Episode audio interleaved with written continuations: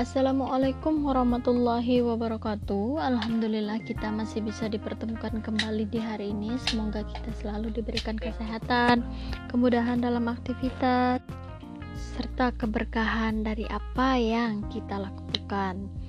Amin.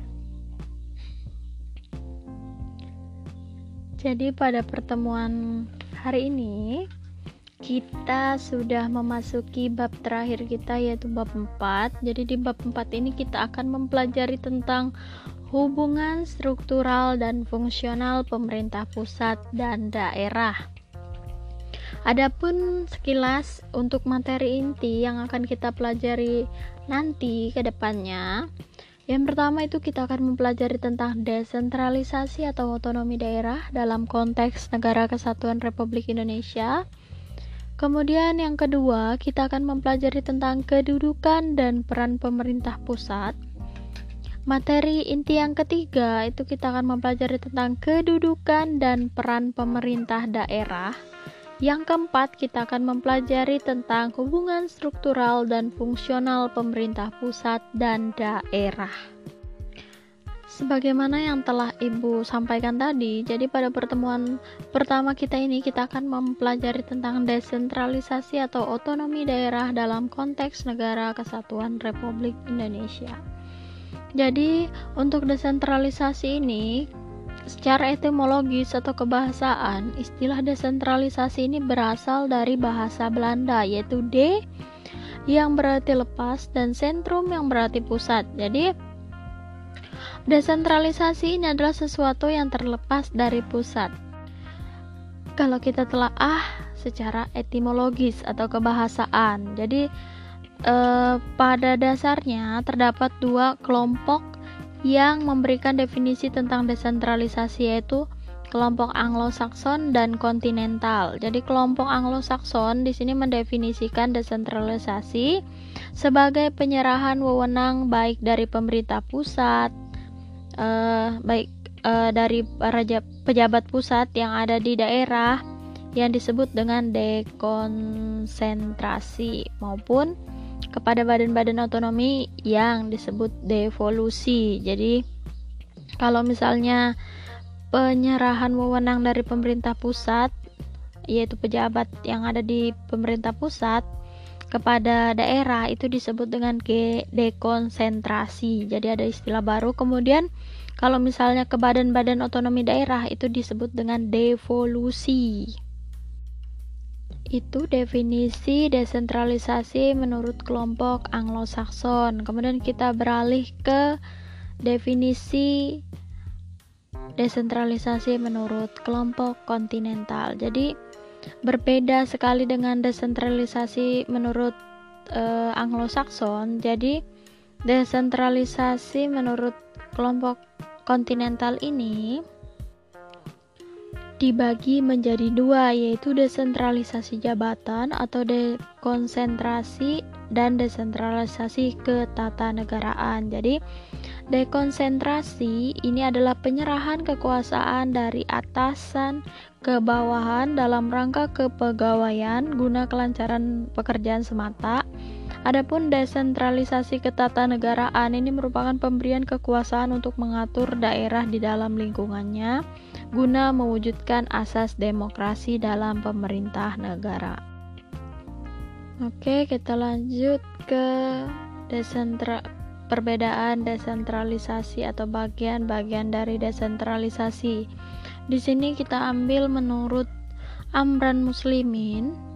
Jadi beliau mengemukakan bahwa desentralisasi itu dibagi atas tiga bagian. Yang pertama, desentralisasi politik. Jadi desentralisasi politik ini sendiri yaitu Pelimpahan kewenangan dari pemerintah pusat yang meliputi hak mengatur dan mengurus kepentingan rumah tangga sendiri bagi badan-badan politik di daerah yang dipilih oleh rakyat dalam daerah-daerah tertentu. Kemudian yang kedua itu desentralisasi fungsional. Desentralisasi fungsional ini, ini pemberian hak kepada golongan-golongan tertentu untuk mengurus segolongan kepentingan tertentu dalam masyarakat, baik terikat maupun tidak pada suatu daerah tertentu seperti mengurus irigasi bagi petani. Itu contohnya.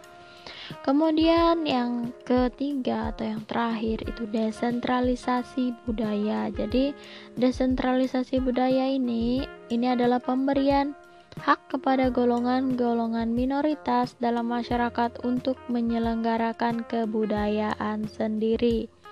Misalnya, eh, ritual tertentu pada masyarakat tertentu itu salah satu contoh dari desentralisasi kebudayaan. Oke, dari semua yang telah Ibu jelaskan, dapat disimpulkan bahwa Desentralisasi ini pada dasarnya adalah suatu proses penyerahan sebagian wewenang dan tanggung jawab dari urusan yang semula adalah urusan pemerintah pusat ke badan-badan atau lembaga-lembaga pemerintah daerah. Untuk tujuannya sendiri, ini adalah agar urusan-urusan ini dapat beralih ke daerah dan menjadi wewenang serta tanggung jawab pemerintah daerah. Jadi desentralisasi ini sendiri mengandung segi positif dalam penyelenggaraan pemerintah baik dari sudut politik, ekonomi, sosial, budaya, dan pertahanan serta keamanan. Kemudian dilihat dari fungsi pemerintahan, desentralisasi ini menunjuk beberapa hal sebagai berikut. Yang pertama, Satuan-satuan desentralisasi lebih fleksibel dan memenuhi berbagai perubahan yang terjadi secara cepat. Kemudian yang kedua, satuan-satuan desentralisasi dapat melaksanakan tugas lebih efektif dan lebih efisien.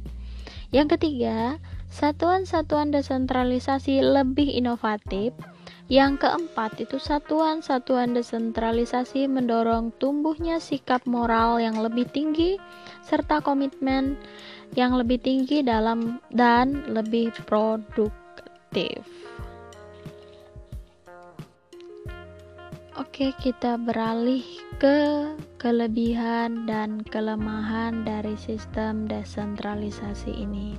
Jadi kita akan membahas kelebihannya terlebih dahulu. Jadi, untuk kelebihan dari sistem desentralisasi yang pertama, struktur organisasi yang didesentralisasikan menurut pendelegasian wewenang untuk memperingan manajemen pemerintah pusat.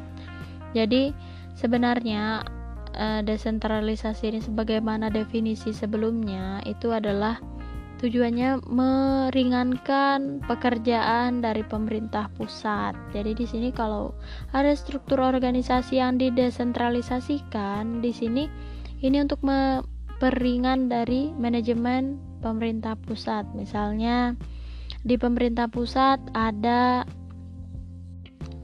ada Dewan Perwakilan Rakyat. Kemudian di daerah-daerah misalnya di uh, Pasir sendiri ada DPRD Dewan Perwakilan Daerah Kabupaten Pasir misalnya. Jadi itu salah satu bentuk e, desentralisasi dalam hal struktur organisasi. Kemudian yang selanjutnya itu mengurangi bertumpuknya pekerjaan di pemerintah pusat. Jadi biar tidak bertumpuk nggak mungkin kan misalnya di pemerintah pusat presiden ngurusi ngurusi gaji karyawan di Kalimantan Timur, Kabupaten Pasir, Desa Lori misalnya. Kan sangat uh, banyak sekali. Sedangkan kalau kita bayangkan Indonesia itu sangat-sangat luas dari Sabang sampai Maroke. Jadi uh, untuk pemerintah pusat itu tidak mungkin bisa mengurusi semuanya dalam satu waktu. Seperti itu. Jadi untuk mengurangi bertumpuknya pekerjaan tersebut, perlu ada sistem desentralisasi. Kemudian yang selanjutnya, ini me, dengan menghadapi permasalahan yang amat mendesak, pemerintah daerah tidak perlu menunggu instruksi dari pusat. Jadi, untuk desentralisasi ini kan sama dengan otonomi daerah. Jadi, untuk daerah ini sendiri dia bisa mengatur dan mengurus pemerintahan atau daerahnya sendiri tanpa menunggu instruksi dari pemerintah pusat. Jadi wewenangnya dan tanggung jawabnya semuanya dilimpahkan ke daerah. Misalnya kita di Kalimantan Timur di tingkat provinsi kita dipimpin oleh gubernur, kemudian Eh, bupati-bupati yang ada di daerah di da kabupaten itu berkoordinasi dengan gubernur. Setelah itu, dua bagian di dalam kekuasaan ini saling berkoordinasi, jadi tidak perlu melibatkan pemerintah pusat karena wewenangnya ada di lingkup daerah. Kemudian selanjutnya, kelebihannya itu peningkatan efisiensi, efisiensi dalam segala hal, khususnya penyelenggaraan pemerintah, baik pemerintah pusat maupun pemerintah daerah. Kemudian yang ke enam itu dapat mengurangi birokrasi dalam arti buruk karena keputusan dapat dilaksanakan secara segera. Jadi tidak perlu sama seperti yang sebelumnya kita tidak perlu menunggu instruksi dari pemerintah pusat. Kemudian yang selanjutnya, bagi organisasi yang besar dapat memperoleh manfaat dari keadaan di tempatnya masing-masing, khususnya di daerah. Kemudian, sebelum rencana dapat diterapkan secara keseluruhan, maka pada awalnya dapat diterapkan dalam satu bagian tertentu terlebih dahulu sehingga rencana dapat diubah. Jadi kita lebih mudah mengubah rencana yang telah ditetapkan karena yaitu birokrasinya tidak terlalu rumit. Kemudian selanjutnya resiko yang mencakup kerugian dalam bidang kepegawaian, fasilitas dan organisasi dapat terbagi-bagi. Kemudian selanjutnya ini dapat diadakan pembedaan dan penghususan yang berguna bagi kepentingan-kepentingan tertentu. Kemudian, kelebihan yang terakhir itu desentralisasi secara psikologis ini dapat memberikan kepuasan bagi daerah karena sifatnya yang langsung. Jadi, itu kelebihan-kelebihan dari desentralisasi i, tidak perlu dihafal, cuman perlu didengarkan saja. Jadi pada intinya Desentralisasi ini mempermudah pemerintah pusat karena kekuasaannya tadi dibagi-bagi ke daerah, jadi tugasnya itu tidak terlalu berat. Untuk contoh kecil dari desentralisasi ini, kita bisa lihat di satu organisasi, misalnya organisasi uh, OSIM. Di situ kita bisa melihat contoh kecil dari desentralisasi. Jadi, tidak mungkin ketua OSIM itu melakukan semuanya dalam satu waktu. Misalnya hal kecil pun dilakukan, dilakukan diurusi. Jadi perlu ada bagian-bagian tertentu di dalam organisasi tersebut. Misalnya ada sekretaris, bendahara, kemudian divisi-divisi kerohanian, misalnya upacara dan lain sebagainya. Jadi itu adalah salah satu contoh kecil dari desentralisasi yang bisa kita lihat langsung di madrasah kita. Untuk kelemahan dari desentralisasi ini yang pertama, besarnya badan-badan struktural dan pemerintahan yang membuat struktur pemerintah bertambah kompleks dan berimplikasi pada lemahnya koordinasi. Jadi memungkinkan uh, adanya koordinasi yang lemah karena sangat besar sekali. Kemudian selanjutnya, keseimbangan dan kesesuaian antara macam-macam kepentingan daerah dapat lebih mudah terganggu. Kemudian, Desentralisasi teritorial ini mendorong timbulnya paham kedaerahan.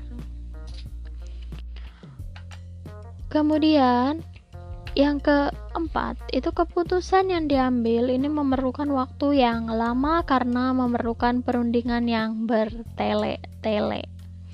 Kemudian yang terakhir, kelemahan dari desentralisasi ini, desentralisasi ini memerlukan biaya yang besar dan sulit untuk memperoleh keseragaman dan kesederhanaan. Oke, untuk materi kita hari ini Ibu cukupkan. Jadi dari semua yang Ibu jelaskan, semoga bisa dipahami apa sih itu desentralisasi. Kemudian pada pertemuan selanjutnya kita akan membahas tentang otonomi daerah.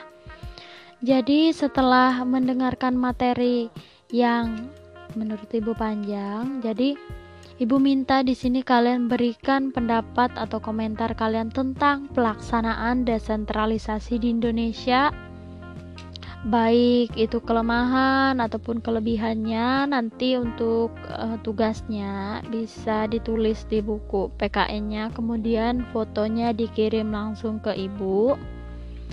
Dica diberikan pendapatnya aja tentang sistem desentralisasi yang ada di Indonesia saat ini.